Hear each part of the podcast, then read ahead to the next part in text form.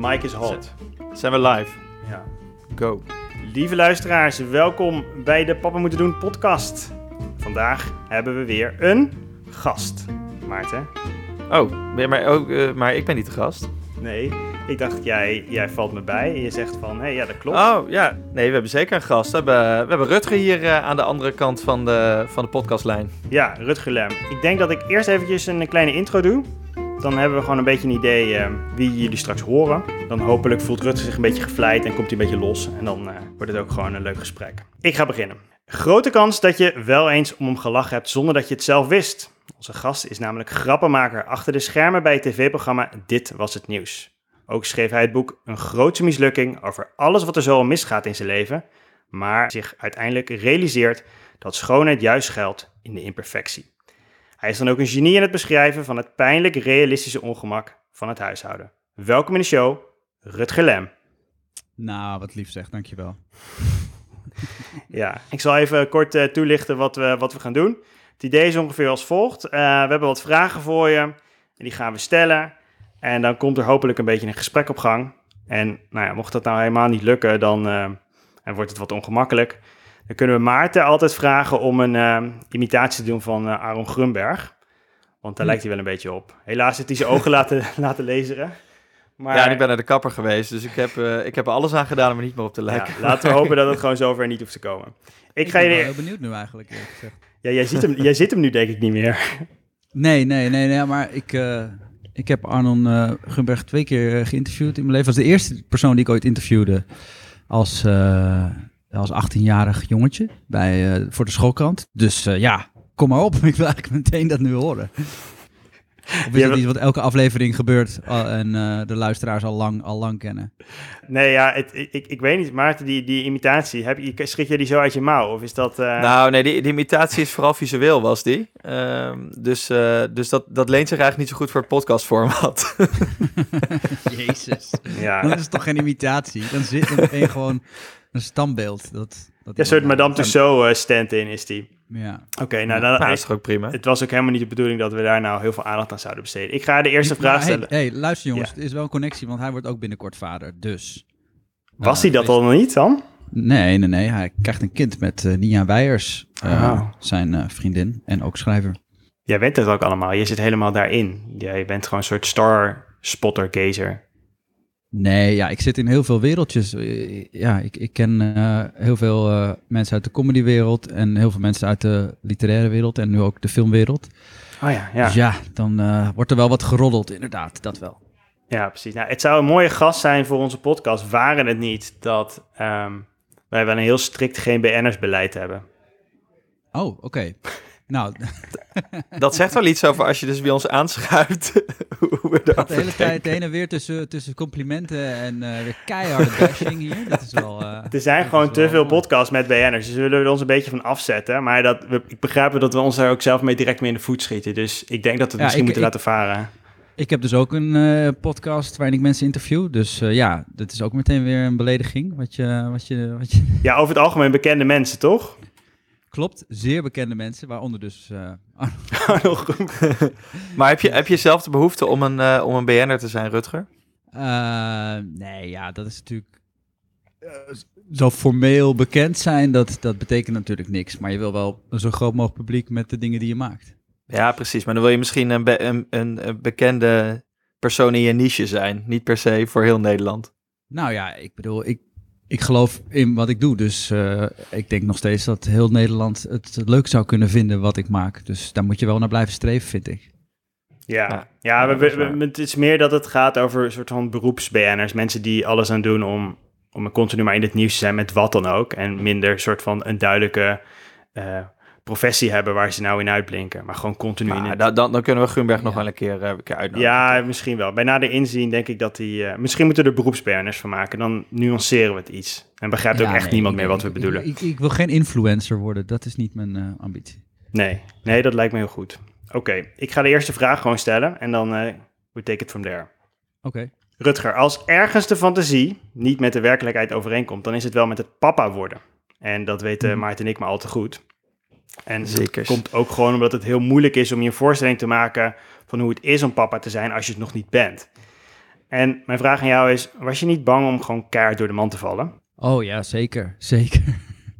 ik denk dat ik nog nooit zo bang ben geweest als, uh, als tijdens de zwangerschap. En, en, en al helemaal uh, tijdens de eerste weken van mijn eerste kind.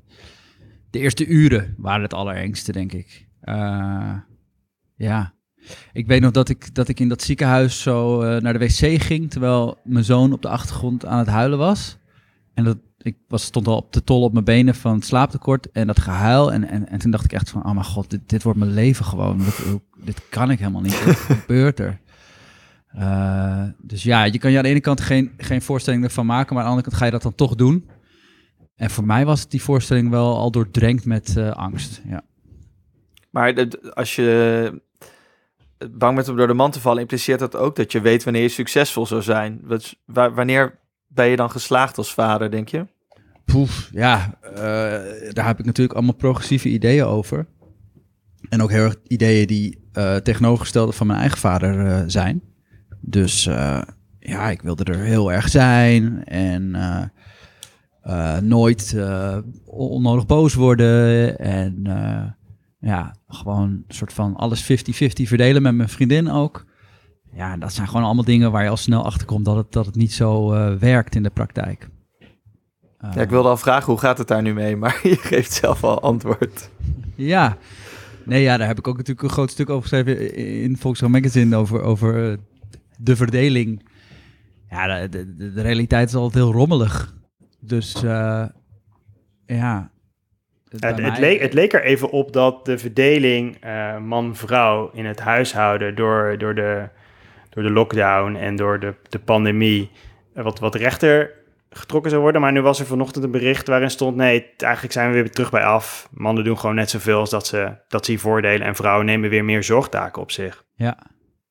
Ja, Wel jammer. Dat, dat, zie je, ja, maar dat zie je steeds. Ik geloof ook dat het onderzoeken blijkt dat groot deel van de eh, jonge ouders zegt van uh, we willen het 50-50 doen. Maar als je dan vervolgens vraagt, lukt dat? Dan, uh, dan blijkt nog maar dat een heel klein percentage overblijft. Dus ja, dat heb ik ook wel gemerkt. Zeg maar, de, de mannelijke privileges zijn wat dat betreft wel real. En die zitten ook gewoon een beetje in je gebakken. Dus je, je ego, je egoïsme komt wel echt naar voren als je vader wordt. Maar is het, is het dan je ego of is het ook omdat je misschien je afvraagt of je bepaalde dingen gewoon minder goed kan dan, dan de moeder? Nou ja, dat speelt ook mee. Ik bedoel, uh, er zijn ook gewoon. Het is heel dubbel. Aan de ene kant ben je zelf egocentrischer en, en luier en minder uh, uh, opgevoed met een bepaald verantwoordelijkheidsgevoel. Dus je bent wat meer gewend van als het moeilijk wordt, dan, hè, dan komt mijn moeder, mijn moeder het wel weer goed maken. Misschien niet de laatste jaren letterlijk, maar wel in je vroege jeugd. Dus dan ga je je terugtrekken en iets langer douchen en, en, en op je telefoon zitten. Als, een, als een nukkig, als een nukkig kind dat ook zijn zin niet krijgt. En aan de andere kant is het ook zo dat alles gericht is op moeders natuurlijk. Dus, en ook deels de natuur. Dus ja, als je s'nachts een kind moet troosten en je hebt geen melkgevende borsten voorhanden, dan is dat ook wel lastig. En dan kan je er ook weer onzeker van worden inderdaad. Dus, dus ja, het is wel, je moet er echt tegen vechten. Ja, dat, dat eerste vind ik wel interessant, ja. Want die, uh, ik, ik merk dat ook altijd wel. Als mijn vrouw iets meer voor, voor mijn zoontje doet, dat ik dan ook... Ja, ik weet niet, je, je trekt jezelf dan ook makkelijk terug of zo. Hè? Dus het is een beetje, als het niet gebeurt, ga je het doen, omdat je wel het verantwoordelijkheidsgevoel hebt. Maar je, je bent ook eerder geneigd, tenminste merk ik altijd, als het dan gebeurt, oké, okay, oh, het is fijn, het gebeurt. Waarschijnlijk ja. kan ze het toch beter, dus het is wel even goed zo. Ja, precies. Het is, maar het is ook heel moeilijk. Dat, dat, dat zeg ik ook in dat stuk. Van als, als iemand anders het oppakt, en vrouwen hebben dus ook nog een extra groot verantwoordelijkheidsgevoel, vaak, dan, ja, dan moet je een soort van twee stappen zetten. Je moet een soort van uh, over je luiheid je heen zetten en ook nog eens haar opzij duwen en het dan gaan doen. Eigenlijk drie stappen. Dus dat is gewoon, vaak denk je dan van, oh nou chill, ja, ik, uh, doe jij het maar. Ja, dus je bijna met elkaar moeten afspreken dat je gewoon heel bewust dat zij zegt, oké, ik doe het even niet. Zoek het maar even uit. Ja, ik zeg dat ook vaak tegen mijn vrouw van, doe het gewoon niet en kijk wat er gebeurt. En zij, zij kan dat gewoon niet aan. Dus zij laat dan, zij, ze, zegt, nou ja, dat klinkt mooi in theorie. Maar in de praktijk heb, ben ik dan al drie stappen verder. Dus het, het moment dat ik moet besluiten, ehm, ik laat het liggen, ik laat de was liggen, of ik, ik, ik ga dit niet opruimen, of ik ga dat niet regelen. Die afspraak eh, met de dokter eh, ga ik eh, verzetten. Ja, als ik het aan jou la- overlaat, dan duurt het gewoon te lang. En, en ja, dat kan zij. Zij vindt dat heel moeilijk om dat, om dat zo los te, te laten. Maar ik weet niet hoe Ja. jij het verdeeld hebt, Rutger, maar ik vind het ook wel... Ik heb één dag in de week dat ik gewoon echt helemaal alleen met mijn zoontje ben. Dat vind ik ook altijd wel lekker. Ik heb al aangeboden gekregen van mijn schoonmoeder bijvoorbeeld. Die zei van, ah, ik wil graag eh, wel komen oppassen die dag. eh, vast, dat vind ik leuk. Ik zei, maar ik wil dat niet, want ik wil gewoon die dag ook hebben. En dat is ook het moment dat ik dus het ook echt zelf moet doen. En dan doe je ook dingen anders en, en je bent er gewoon bewuster van. En dat is ook een leuk moment. Maar hoe, hoe regel jij dat in? Nou, dat, ja, heel herkenbaar. Dat is gewoon, dat is eigenlijk het fijnste als je gewoon niet anders kan. Als je echt eh, helemaal op jezelf bent aangewezen, dan worden de kinderen ook op de manier makkelijker. Want ze weten van, oké, het is papa en geen andere optie. En, eh, en je gaat zelf ook in een soort eh, overlevingsstand. Zo van, dit is het gewoon nu. En, en dat is altijd sowieso met ouderschap de beste instelling om je er maar aan over te geven. Als je nog gaat terugverlangen naar je oude leven of weet ik veel, over vier uur liggen ze in bed of zo. dan, dan duurt vier uur wel heel lang. En ja, wat dat betreft is de lockdown ook wel lastig, want ja, mijn vriendin werkt nog best wel vaak thuis. Nu gelukkig wat minder. Maar ja, dan zat zij gewoon boven terwijl ik met de kinderen ben. En dan, zowel voor hun als voor mij, is het toch zo van, ja, ze is nog een optie of zo. Ja. En eh, vaak Ja, komt ze, ja. nog even naar ben- ze komt nog even naar beneden. En dan, eh, terwijl ze de lunch aan het pakken is, dan gaat ze toch nog even op, opruimen of een beetje spelen met ze. En dan gaat ze weer weg en dan zijn ze weer helemaal boos en huilerig. Oh, dat is zo herkenbaar. Dan Ja, denkt ze, oh, ik kom je ja. toch even helpen. Ik help je even en dan maak ik even een sapje voor, eh, eh, voor onze dochter. En dan eh, zet ik even een spelletje klaar. En dan nou, gaat mama weer werken. Dag. En dan is ze weg. En dan zijn die kinderen echt zo, ja, maar nu, weet je, waar is mama? En dan gaat er eens aan huilen en de ander die is ook zagrijnig. Ja, Ja. leuk, dank. Ja, dat helpt helemaal niet. En dat is het vaak, dat is vaak zo. Ja, helpen helpt soms gewoon niet. Mijn vriendin en ik hebben ook altijd conflicten over voor jezelf kiezen en iets voor jezelf gaan doen. Wat zij ook gewoon van nature niet zo, eh, niet zo makkelijk eh, onderneemt. En eh, ja, soms moet ik er echt de deur uitduwen of vrienden van haar inschakelen van ga in godsnaam bier met ze drinken. Zodat, ze dat, zodat ze dat gaat doen. Want dat, dat uit zichzelf doet ze dat niet zo makkelijk. Terwijl dat is voor haar goed en dus voor ons allemaal goed als zij meer uitgerust en ontspannen is. En het is voor mijn band met de kinderen beter. Dus, eh, en ik ga niet zeg maar minder dat doen omdat zij dat niet doet. Dat is ook nog een ding. Want ik ga gewoon wel met vrienden afspreken Precies, en ja. eh, buiten en, eh, en lekker egocentrisch zijn. Want dat is ook belangrijk. Ja, ja, dat is echt super herkenbaar. Ja, ik, ik merk ook altijd kut, dat... Nee. Nou ja, nee joh, maar ze bedoelen het Nee, extreem bijna goed. Hè? Dat, nee, nee, Ja. maar kijk, dat vind ik grappig. Want ik vind bijvoorbeeld, als ik boven moet werken, want ik werk ook heel veel thuis. En, eh, en mijn vrouw is beneden met de kinderen. Dan, ja, en ik hoor, ik hoor hem huilen. Dan denk ik, ja, dat, nou, het, is, eh, het is even niet, eh, niet mijn moment, weet je wel. Dus, en ik weet dat het komt vast goed. Maar ik weet dat als zij boven zit en ze hoort hem huilen, dat ze niet per dus ze denkt niet van, eh eh Maarten kan het niet. Alleen ze voelt zich de hele tijd toch een soort half verantwoordelijk nog steeds op dat moment. Dus het is ook moeilijker om je ervan af te zetten. Dus het is een soort heel diep ingebakken in haar en misschien wel in alle moeders. Dat je toch altijd voor de helft aan blijft staan, denk ik. Ja, oh. ik heb wel eens midden in de nacht, weet je wel, dat ik dan mijn dochter stond te troosten en echt voor mezelf gewoon mijn geduld aan het trainen was van oké, ik blijf rustig, ik blijf rustig en ik ga het doen totdat ze stil is. En opeens staat mijn vriendin achter me en, en je bent al slaapdronken en in het donker je schrik je de, de tering dat zij daar opeens staat. En je bent soort van boos of van... En dus heb ik ook wel eens geroepen van, vertrouw me nou, vertrouw me. Ja. ja, ik heb ook wel eens geroepen, ga weg, ik doe het. Ja. weg. Maar, maar het is, eh, ik zeg ook altijd, je bedoelt het te goed. Weet je wel, je probeert het te goed te doen. Je moet het soms ook even, ben eens soms even egoïstisch. Doe het even niet zo goed. Ja. Dat, eh, nou ja. Hey Rutger, in eh, de, stukjes die jij eh, op Facebook deelt en eh, ook via je nieuwsbrief deelt met de, rest van de wereld, gaat het vaak over je gezin en over het huishouden. En een van de tweetjes die ik recent voorbij is gekomen, ik zal hem even voorlezen, die, dat is als volgt. Vannacht troost ik mijn zoon na een nachtmerrie. Wel te rusten, schat, alles is goed. Ik hou je veilig, zei ik. Waarna hij keihard tegen de openstaande deur beknalde en de baby ook begon te huilen.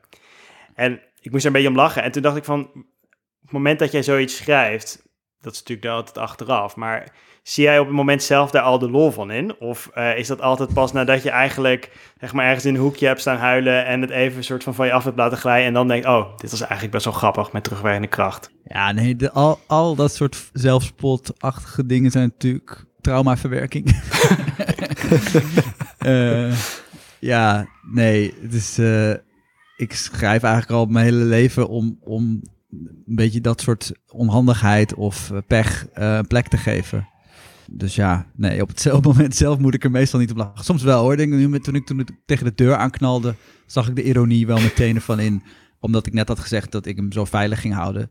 Terwijl ik op een bepaalde manier een van de minst veilige personen ben die ik ken. Maar. Uh, ja. denk, jij, denk jij als beroepsschrijver, uh, grappenmaker ook wel eens, terwijl dat dan gebeurt van, oh, dit, dit wordt iets leuks waar ik wat mee kan? Zeker. Of dat ja. niet? Ja, ja, ja, nee, tuurlijk. Dat, is, dat gebeurt de hele tijd dat je denkt, dit wordt een stukje of dit... Dat ik iets aan mijn vriendin vertel en dat zij al zegt van, oh, ik hoor een stukje ontstaan. van, ja, ja, ja, ja. Maar wordt dat op een gegeven moment dan niet een self-fulfilling prophecy? Dat je denkt, oké, okay, maar als ik dit ga doen, dan komt daar waarschijnlijk wel iets wat dan leuk wordt. nou, er was wel een tijd dat ik dat, dat ik, dat ik misschien dingen ook een beetje uit de hand liet lopen, omdat ik wist dat het een goed verhaal zou worden. En dat heeft dan niet zoveel, dat was nog voordat ik uh, vader was. Uh, heeft daar niets van mee te maken. Maar daar heb ik wel een beetje geleerd om dat ook weer los te laten. Om ook een beetje de realiteit zijn eigen ding te laten doen. Want anders, uh, ja, dan ben je gewoon de hele dag in een film aan het spelen. Willen, jullie, willen jullie horen, toen, toen zal ik vertellen hoe dat een keer helemaal mis is gegaan? Dat is wel een grappig verhaal. Ja, absoluut. ik heb altijd een beetje bindingsangst gehad. Vandaar dat ik het vaderschap ook uh, een extra strijd vind en vond. Um, maar toen gingen we, toen we nog geen kinderen hadden, eten met een ander stel. En dat vond ik altijd al een beetje ongemakkelijk. En toen zei ik van tevoren van, oh, nou, uh, hoe gaan we dat doen, partnerruil? En, uh, dat zei je hardop tegen ja, die mensen? Ja, uit een soort ongemak. Dan je had je sleutels al in de aanslag? een kommetje ja, meegenomen. Precies, precies. Maar toen, uh, ja, toen werd er om gelachen en dat was allemaal leuk en aardig.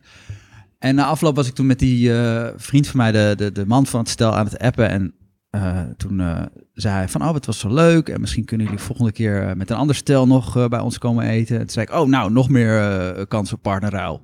Gewoon weer dezelfde grap, ook gewoon heel slecht. Maar toen zei hij dus van, oh, maar doen jullie eraan? Want dit is nou de tweede keer dat je daarover begint.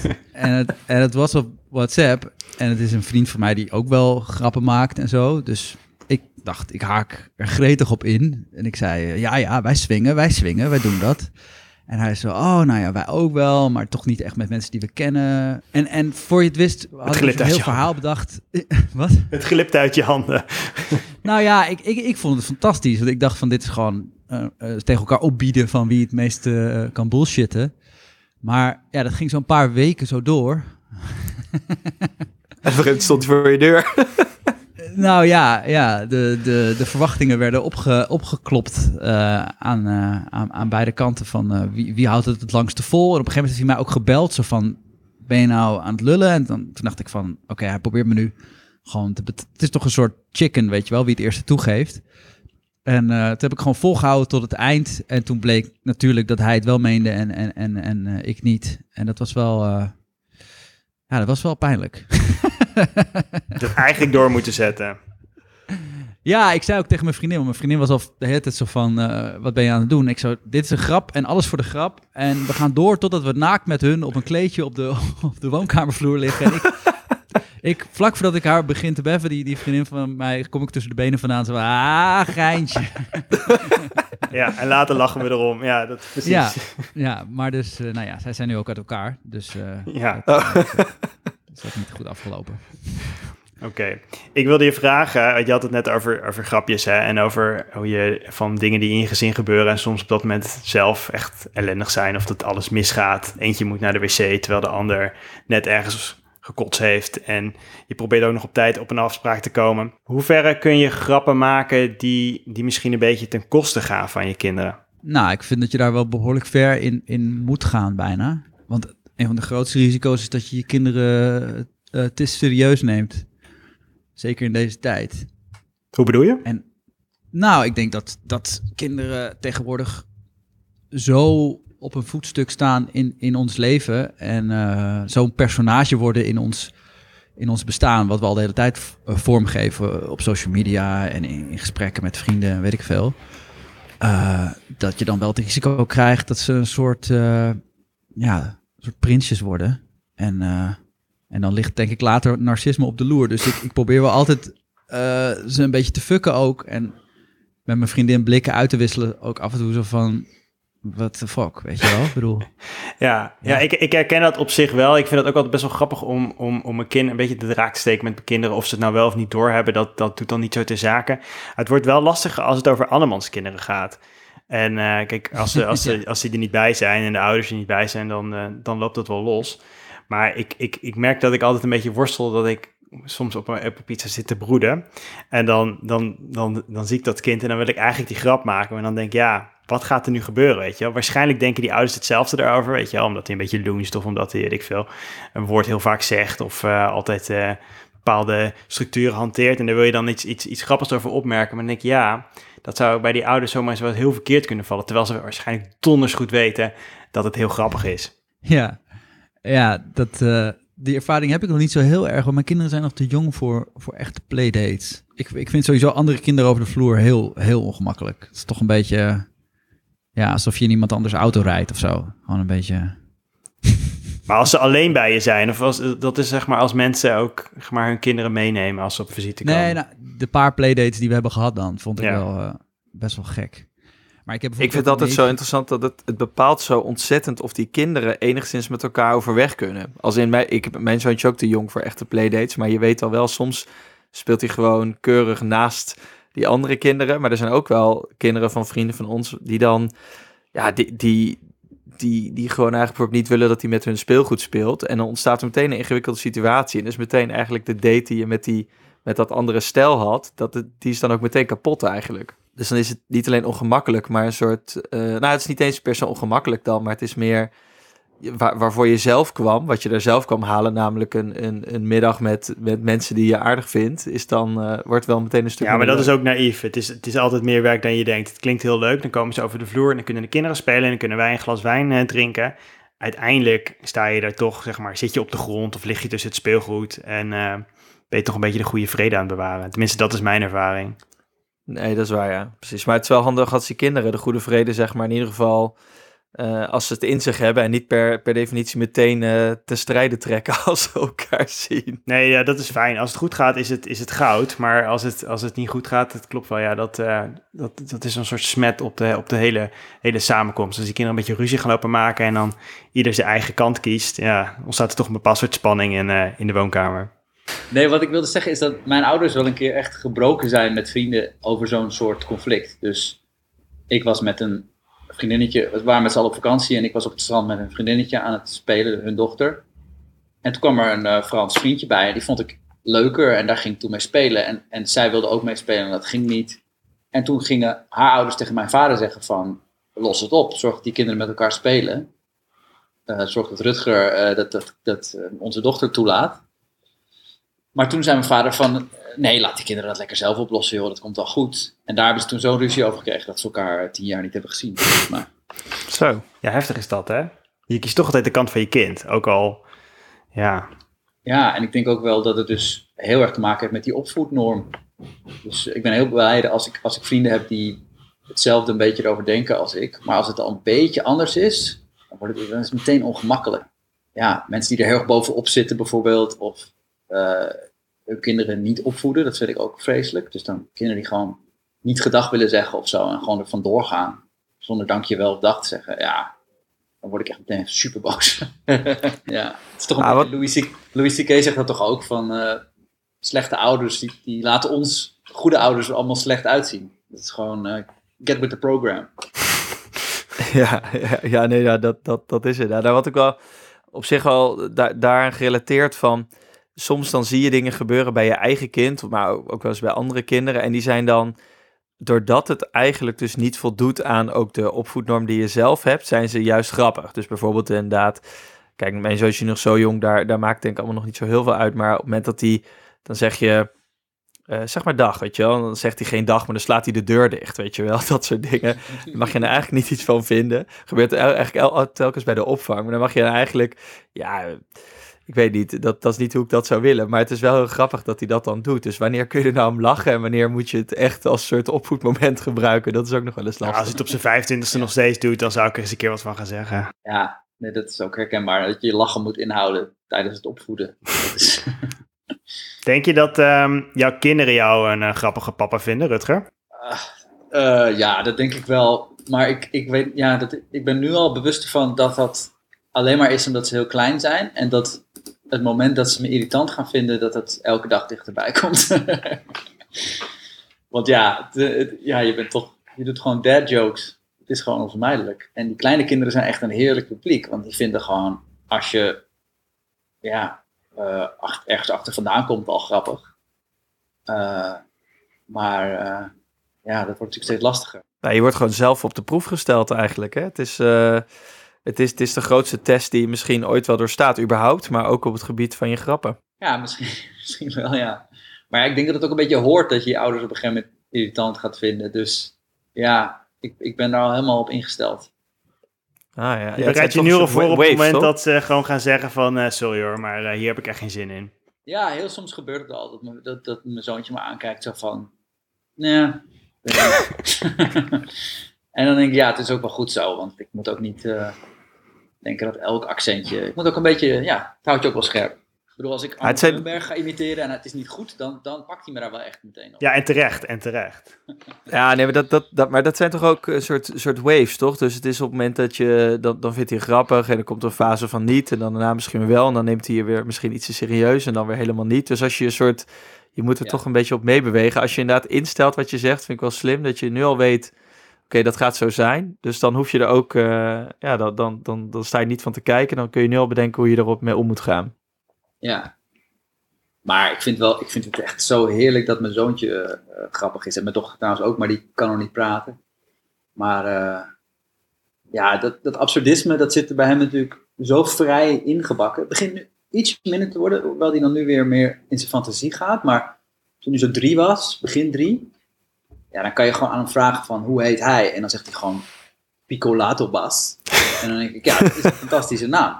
Dat, is, dat zou ik niet eens kunnen verzinnen. Dat is gewoon, ja, ik denk dat wat mensen in een improv-klas proberen te, of een theatersportklas proberen te bereiken en eh duizend euro's voor betalen, dat hebben die kinderen gewoon meteen. Dat is wel echt eh, geweldig. Ja, dus het enige doel wat je hebt is eigenlijk gewoon zorgen dat hij dat vasthoudt, dat hij dat niet kwijtraakt. Ja, ik wil natuurlijk dat hij mijn mislukte stand-up carrière goed maakt. ja. Ja, dat zou natuurlijk mooi zijn. Dat is denk ik ieders vaders droom. Dat, dat, dat hij in je voetsporen treedt die jij eigenlijk eh, hebt laten liggen. Ja, wat, is, wat zijn jullie mislukte voetsporen dan? Goh, goh, waar niet? Waar ze, ja, jimpie. We hebben wel zoveel dingen geprobeerd die allemaal niet, niet, niet gegaan zijn. Zoals we hadden bedacht. Eh, sowieso een, een, een corporate job is zeg maar denk ik echt... Als een van mijn kinderen überhaupt daar eh waarin slaagt, dat zou ik wel heel bijzonder vinden. Het langer dan een paar maanden volhoudt. Nou, je, jouw vrouw die houdt dat redelijk vol. Dus dat is op zich, eh, zit dat er wel voor de helft in. Ja, maar goed, die snap ik ook niet. Ik kan me niet voorstellen. Dat was, je- dat was jouw droom, Tim.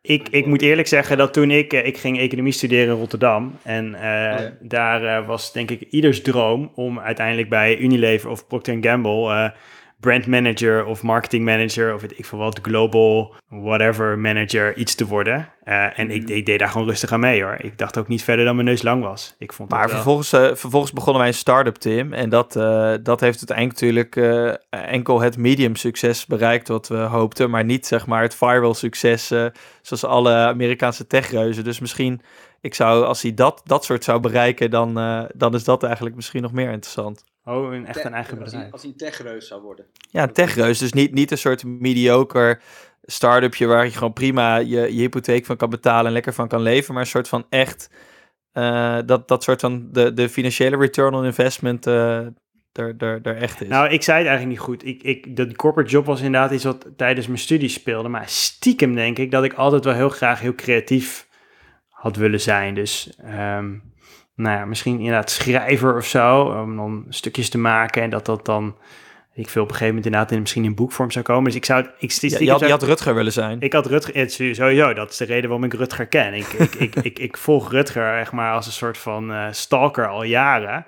En dan denk ik, ja, dit had ik kunnen zijn, weet je wel. En dan, ehm, dan denk ik, en nu, nu, nu wordt het een beetje creepy, maar het is wel dat ik, dat ik dacht van, nou, dat, dat is iets wat ik, wat ik wel mijn kinderen gun. Dat ze zeg maar een, een soort hele creatieve carrière ambiëren, waarin gewoon je, je gewoon continu weliswaar tegen muren aanloopt, want dat hoort er ook bij, maar je zelf soort van aan- op, op een creatieve manier aan het uiten bent. Dus ik denk dat dat misschien nog wel... Nou, het gevaar is natuurlijk dat je dit heel gaat projecteren, toch? Terwijl als jouw, eh, jouw dochter een number cruncher wordt ergens en zij heeft daar echt de grootste lol van haar leven in, dan, dan is dat natuurlijk, ben je ook zeer geslaagd. Ja, dat is waar. Maar ik bedoel, dit ging natuurlijk over dingen die ik zelf dan had gewild. En, en ik denk dat dat misschien nog wel meer dan die, die corporate job, dat ik denk ik zelf een soort van, ja, een soort creatief had willen zijn in, in, in welke vorm dan ook. Maar goed, ja, weet je, uiteindelijk eh, moet je het ook zelf weten. Als ze gewoon, eh, ze mogen alleen geen verleider worden bij Temptation Island. Dat heb ik wel eh, heel duidelijk gemaakt. Ja, daar zit ik altijd naar te kijken en denk ik, zou die ouders nou trots zijn op hun kinderen? En dat is dan toch lastig, hè?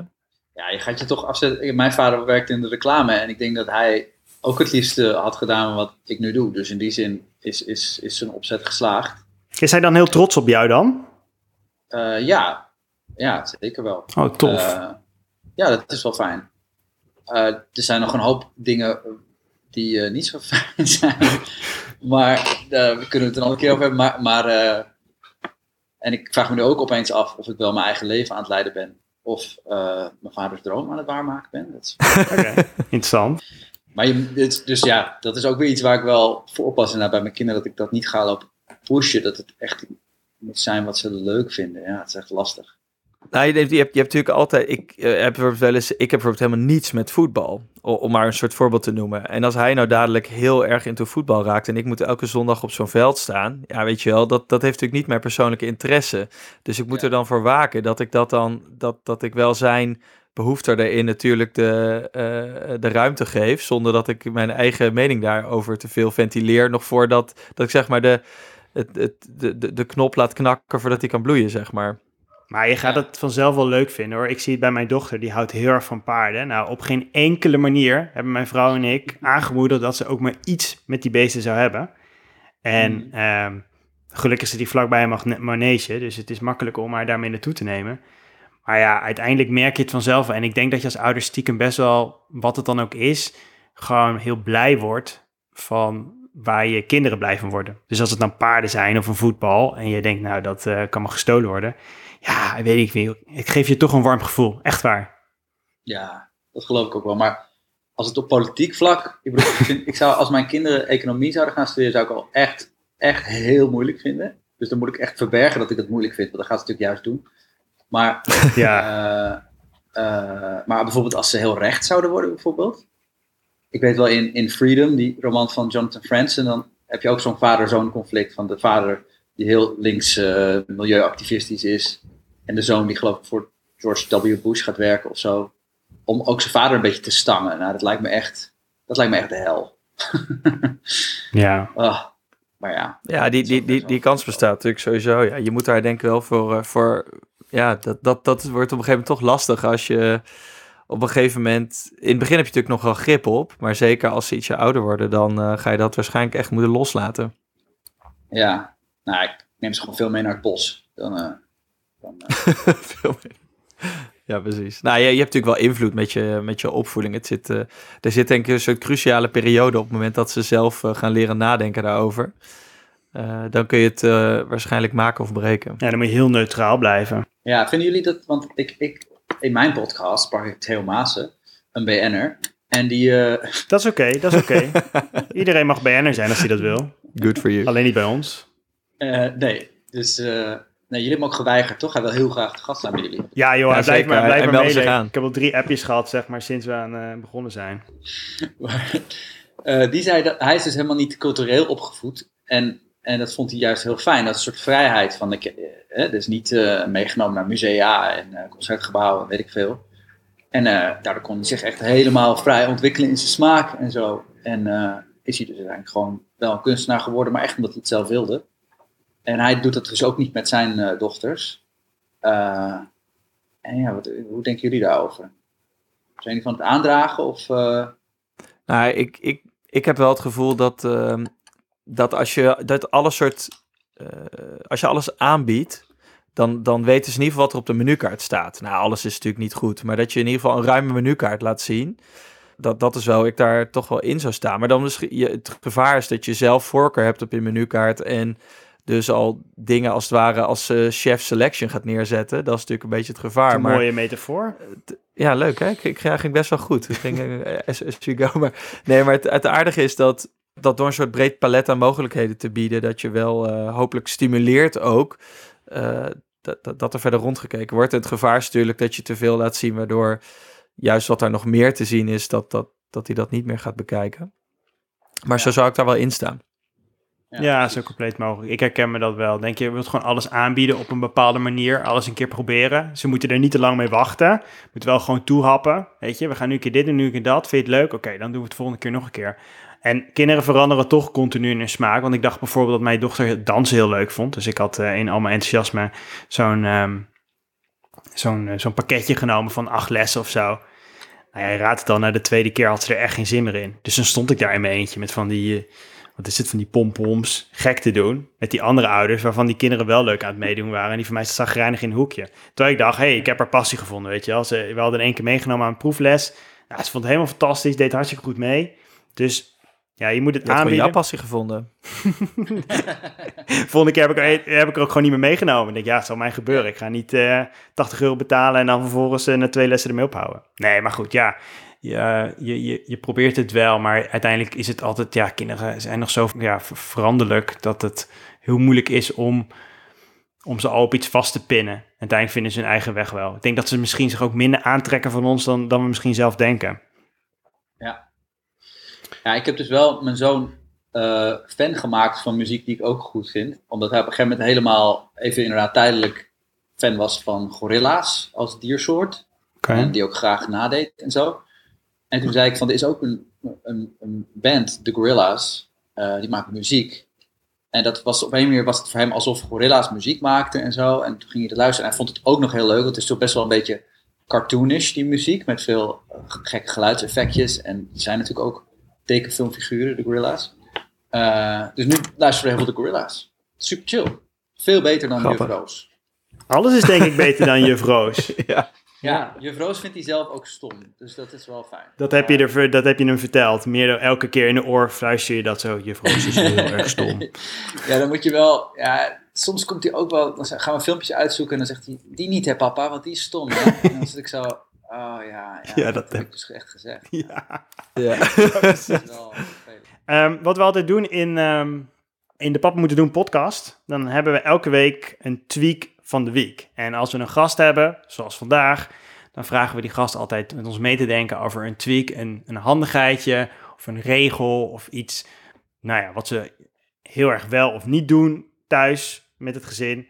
En wat ze dan kunnen delen met, eh, met de luisteraars. En daar kunnen wij dan weer van leren. Dus mijn vraag aan jou, eh, Rutger, is: heb jij voor ons een tweak van de week? En ja, ik heb, er, eh, ik heb er zeker over nagedacht. Yes. Eh, dus ik heb, er, ik heb er een paar. Oh, Eh, kijk aan. oh. Dat hebben we nog niet eerder meegemaakt. Eh, ja, eh, even chronologisch. 's ochtends eh, koud afdouchen. Kijk. U- überhaupt koud douchen. En Dat, dat heeft te maken met dat eh, egoïsme waar ik het eerder over had. Dat als je jezelf al meteen aan het begin van de dag dwingt om iets te doen wat je niet helemaal, waar je, wat eigenlijk gewoon een beetje kut is. Dat, dat is heel goed voor je, voor je verwendheid. Dus het voelt, ik, het voelt altijd een beetje als s'nachts gewekt worden door mijn kind. En dat is ook dat koude douchen. Ik heb er nooit zin in. Ik wil, het, ik wil het echt niet. Maar het is ook, als je het dan overleeft, dan voel je je toch weer wat sterker. En dan kan je... Je straft jezelf gewoon elke dag, elke ochtend. ja, Vreugde Ja. door lijden. klopt. Dat is, eh, ja, dat is, dat is nodig voor mijn persoonlijkheid, denk ik. En, eh, en ik dacht nog van, ja, ik weet niet of, of, of dat een heel stomme tip is, maar bij echt jonge baby's eh, ben ik er pas heel laat achter gekomen dat je die rompertjes, als ze zeg maar in hun, in hun broek gekakt hebben, dat je ze dan ook naar beneden uit kan doen. Dat rompertjes eigenlijk daarvoor gemaakt zijn, zodat ze ook eh, niet over hun hoofd, maar over hun, hun reetje uit kunnen. Toen kwam je achter toen je een keer het neusgat eh, van je kind had dichtgesmeerd met zijn eigen poep. Waarschijnlijk, ja. Dus dat, eh, dat was voor mij echt een eye-opener. Zo van, oh jezus, daarom, daarom bestaan die dingen. Ehm, en, eh, en een andere tip die ik heb gekregen van, van Hiske Versprillen, eh, een BN'er die ik goed ken. Een van mijn BN'er-vrienden, waar ik elke dag mee... Een re- recensent volgens mij in de Volkskrant is zij toch? Ja, ze is eh restaurantcriticus. Ja, precies. Gaat over eten. Oké. Ja, ook geïnterviewd in mijn BNR-podcast. maar, nee, zij zei van, schreef volgens mij ook op, op Twitter of zo, van dat je je gezinnen, dat je, dat je je kinderen gezonde snacks moet geven als je ze om vier uur een filmpje laat kijken. Eh, en dat werkt echt. Dus ze zitten dan zo van als zombies naar Paw Patrol te kijken. En dan zet je gewoon een bakje met wortels en paprika en noten en blauwe bessen of zo voor ze neer. En dan gaat het er allemaal in. En Ja. op die manier kan je echt die groenten erin, eh, erin, erin krijgen. En, en tenslotte, dat we eigenlijk van de filmpjes kijken is natuurlijk ook niet echt goed. Eh, tenminste, ja, ik vind het altijd heel heftig hoe ze reageren als het uitgaat. Dat zegt denk ik ook wel genoeg over wat het met de hersens doet.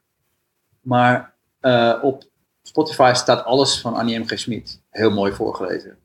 En op de een of andere manier is dat veel fijner, want daar flippen ze hem niet over als je het uitzet. En ze gaan er echt een beetje bij liggen op de bank. Gelukkig van de petflat luisterend. Of Jorrie en Snorri. En dat, eh, dat, dan rusten ze ook echt een beetje uit in plaats van met die super heftige filmpjes. Dat was mijn, eh ja, mooi. mijn Prettig. Worden jouw kinderen ook rustig als je, als je jouw eigen podcast eh, aanzet op de achtergrond? Vinden ze dat prettig, jou te horen? Met die BN'ers. Met die BN'ers. Ja, ik ben heel erg van de BNR af, weet je wel. Ik wel echt een goede bekende BNR zijn. Eh, Maar op Theo Maassen gingen ze heel lekker. Ja, mijn kinderen zijn zulke starfuckers, jongen. Dat is echt vreselijk. Van wie zouden ze dat hebben dan? Ah, laat maar, laat maar, laat maar. Van mijn vriendin. Van Ja. mijn vriendin. Ja, ik heb van mij en mijn, eh, mijn vrouw wel eens gehoord dat ehm, toen, eh, nou ja, een paar maanden geleden, toen mijn zoon nog iets kleiner was, dat ze, die, ehm, dat ze onze podcast uit, aanzetten als soort white noise. Dan werd hij lekker rustig, want dan eh, hoorde hij gewoon de hele tijd zijn vader in zijn oor jengelen. En dan, Oh ja. ja, kwam hij toch een beetje tot rust, gek genoeg. Dus dat, ja, dat kan ook. Maar je, je, Kijk hoe die op podcast Rutger is toch geen reageert. white noise, Tim? Dit is toch geen, dit is, dit is, je bent toch geen, dit is toch geen stofzuiger wat jullie aan Nee, maar je zet het zeg maar net zo zachtjes dat je het niet verstaat, maar dat het dan, Oh, ja. ja. dat je net dan de klanken hoort die vertrouwd klinken. Ik denk dat zoiets is. Ik bedoel, er wordt toch ook altijd gezegd dat als een baby, eh daar kan Maarten misschien wel iets over zeggen, want die heeft nu een baby eh, in de oven, eh, dat je daar dan tegen moet praten, dat ze je te- stem, stem alvast herkennen. Jij bent natuurlijk nu zeker eh, steeds tegen je vrouw eh, haar buik eh, aan het, aan het ouwehoeren, of niet? Of zet je gewoon de podcast aan? Nee, ja, ik zet die podcast zet ik op een hele zware speaker en die bind ik dan met een touw aan de buik. Ja. Nee, dat is echt heel... Nee, ja, ik voel me altijd zo knullig als ik dat moet doen. Ja, dat denk ik dat elke vader dat heeft. Maar goed. Goed, en door. We doen eh, aan het einde van eh, de podcast delen we altijd onze pappenmomentjes. Om even stil te staan met wat we deze week met onze kinderen hebben meegemaakt. Wat leuk was. Iets wat je wil onthouden. Het is een soort van wekelijks mini-dagboekje waarin we iets delen wat ons, eh, wat ons bijgebleven is. En ehm, eh, ik wil wel even beginnen. Dan, mag daarna mag, ehm, mag Maarten en dan doen we onze gast als laatst. Maarten, wat denk je? Dat lijkt me perfect. Ja, oké. Ik, eh, mijn kinderen maken, en dat is denk ik niet, eh, niet bijzonder, maken altijd een enorme rotzooi als ze gegeten hebben. Dan is dan na Hoe het oud zijn eten. jouw kinderen eigenlijk? Maar ik heb een zoon van één en een beetje en een dochter van drie en een beetje. Oh ja, het is precies hetzelfde. Ja. Ja, ze zijn allebei van dezelfde datum. Ze zijn allebei op 31 december geboren, for some reason. Dus er zit zeg maar precies Oh, eh, twee jaar tussen. Ja, dus ze zijn allebei eigenlijk even, ja, nou, ja, even oud. Alleen, nou, niet dus, want er zit twee jaar tussen. Als je alle afleveringen van deze podcast luistert en je schrijft alle details op van jouw kinderen, kun je naar 240 afleveringen, weet je wie ze zijn. Een soort van eh, Beautiful Mind. Ken je die film met Russell Crowe? Dat hij nou allemaal van die briefjes op de muur heeft. Dat is dit stiekem ook. Maar dan zonder BN'ers. Het lijkt me leuk als wij fans krijgen die zo, zo geïnteresseerd zijn. Ja. Ja, ja, ja, ja. mijn moeder misschien. Gaan we door. Goed, rotzooi dus na het eten. Er liggen allemaal kruimeltjes en zo. En toen viel mij op, want het is hier in, eh, in Spanje al eh, best een tijdje lekker weer. En dan komen er allemaal beestjes en zo. Dus komen ook miertjes. Dus ik was een keer s'avonds als ik eh, de vaat was aan het inruimen. En toen zag ik dat er al een soort spoor mieren naar binnen was gekomen om dat, om dat, op, te, om dat op te eten. En ik, hè, verdorie. En de volgende ochtend waren ze het nog steeds. Ik had er niet direct iets aan gedaan. Ik, nou, het lost zichzelf wel op. En toen zag mijn, mijn dochter het. Die houdt van beestjes. Die zei, oh, kijk papa, miertjes. Ik zei, ja, ja, ja, dat zijn, dat zijn miertjes. Nou, weet je wat? Papa die gaat wel zorgen dat ze naar buiten gaan. Oké.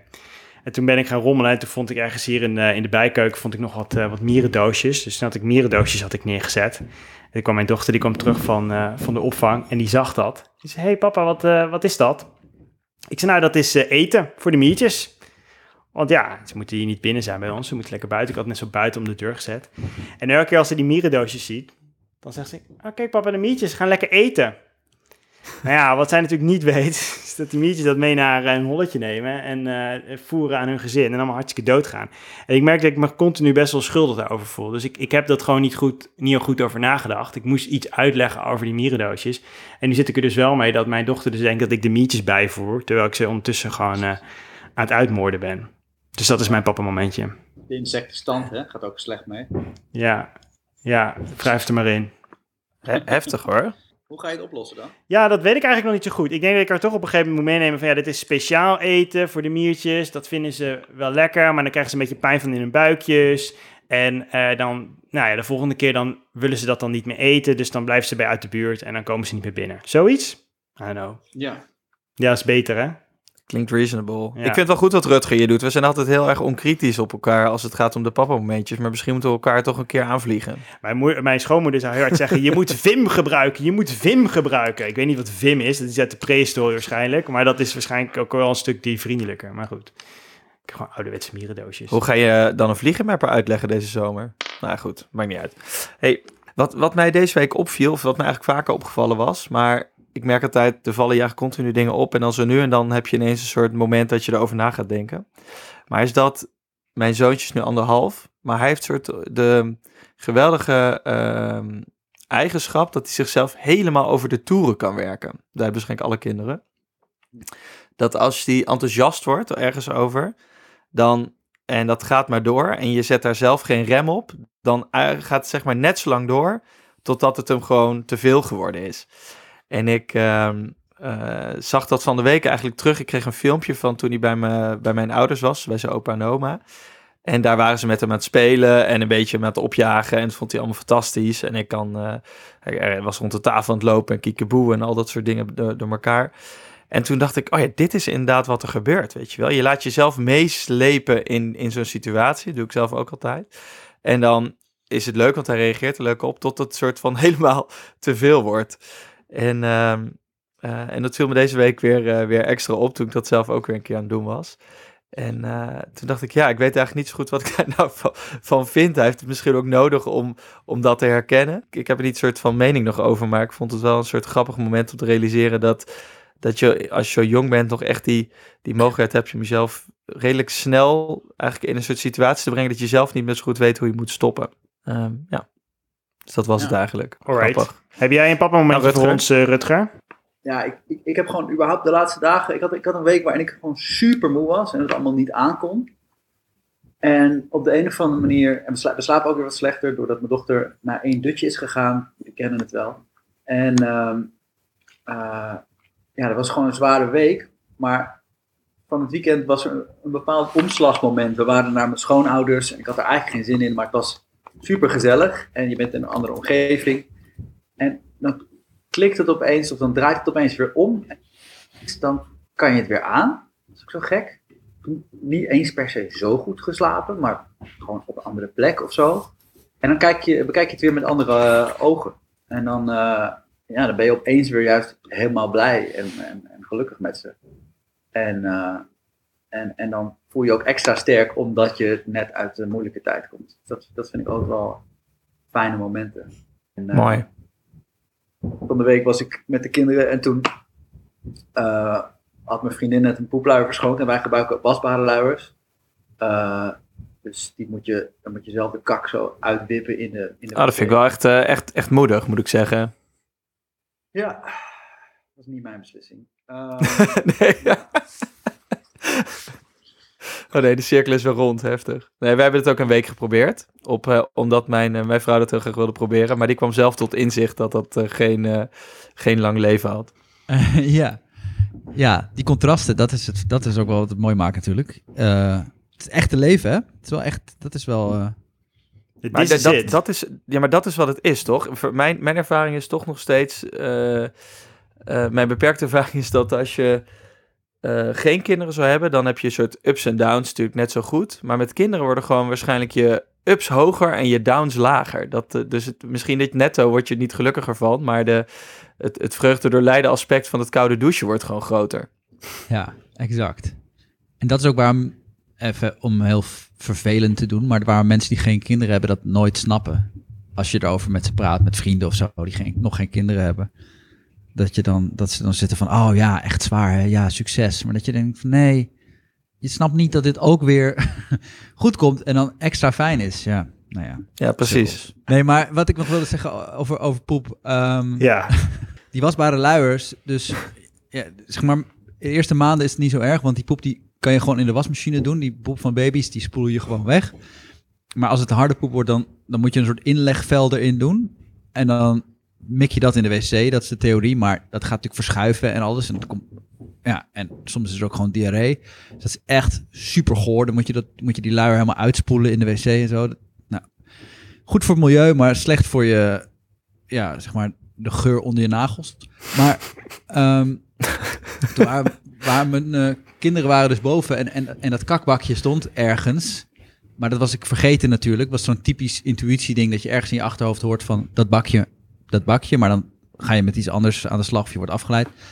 En toen op een gegeven moment toen kwam mijn dochter, die kwam zo weer in beeld. Die was even om de hoek en die kwam zo terug met een, met een doekje. En die was een beetje haar gezicht daarmee aan het schoonmaken. En ik was zo van, wat, ah, wat, wat schattig, weet je wel. Zo, ah, ze is zijn eigen mond. Oh ja, want dat heeft ze net geleerd, weet je wel. Tijdens het eten dan haar eigen mond schoonmaken. Dus, eh, en, toen en toen, eh, maar toen kwam ze dichterbij en toen ging ze ook mijn zoons mond schoonmaken. En toen zo, ah nee, dat is poep. En ik zo, ah nee, het was, het was, het was een stukje wc uit het kakbakje. Dus toen had ze overal. En toen had ze sowieso die, die, dat bakje omgegooid. Dus er lag over de hele gang lag kak. Nou ja. ja, ik denk dat we wel best wel een beeld hebben eh, inmiddels. Ja. dit, denk dit is natuurlijk waar we het. Ja, dit is waar we het straks over hadden. Dat, eh, dat als je dan het doet voor het verhaal, dan laat je voortaan dus dat bakje, laat je gewoon expres staan om dit, eh, om dit in scène te Dat gaat wel heel ver, maar ja, dat moet hè. Je moet een beetje leiden als, eh, als Alles voor de luisteraar. Ja, oké. Ik eh, vond het leuk dat je er was, Rutger. Ik vond het ook leuk. Ja. Ik eh, hoop dat je eh, misschien nog een keer terug wil komen. Enige voorwaarde is natuurlijk dan wel dat je in de tussentijd niet al te bekend wordt. Maar dat spreekt voor Ja. zich. ja, mooie motivatie om niet door te breken. Ja, nou fijn dat... Fijn dat wij dat hebben mogen brengen. ja. Ik zal eh, zorgen dat eh, in eh, de show notes eh, netjes een linkje naar jouw nieuwsbrief komt te staan. En naar de podcast met BN'ers. Mochten mensen denken, hey, het zou ook wel een keer leuk zijn om een podcast met BN'ers te horen. Eh, Rutger heeft een podcast. Kopstuk heet die. De podcast is infrequent te horen. Klopt. Ja. Zeer infrequent. Zeer infrequent. Oké, maar niet minder, eh, niet minder leuk om naar te luisteren. En ik zal er ook zorgen dat er een, eh, een linkje eh, te vinden is. Dat was het. Hey, en wij zijn er volgende week gewoon weer met z'n tweeën, toch? Want de week daarna hebben we volgens mij weer een niet-BN'er te gast. Ja, en dan hebben we iemand gevonden die zeg maar net een beetje soort van hinkt tegen... eh, ja, die zit gewoon in het grijze gebied, laten we eerlijk zijn. ja, Ja, dat vinden we, vinden we lekker. ja, maar die hemen we dan weer op en dan eh, heeft hij er toch zin in. Nou, hey Rutger, echt super bedankt. Eh, leuk dat je te gast wilde zijn. Je bent de tweede gast. Oké, Ja, bedankt jongens. Ik heb ervan genoten. Veel nou, dat succes is fijn om te horen. Ja, jij ook. Groetjes. Oké. Dankjewel, Rutger. Hoi, later.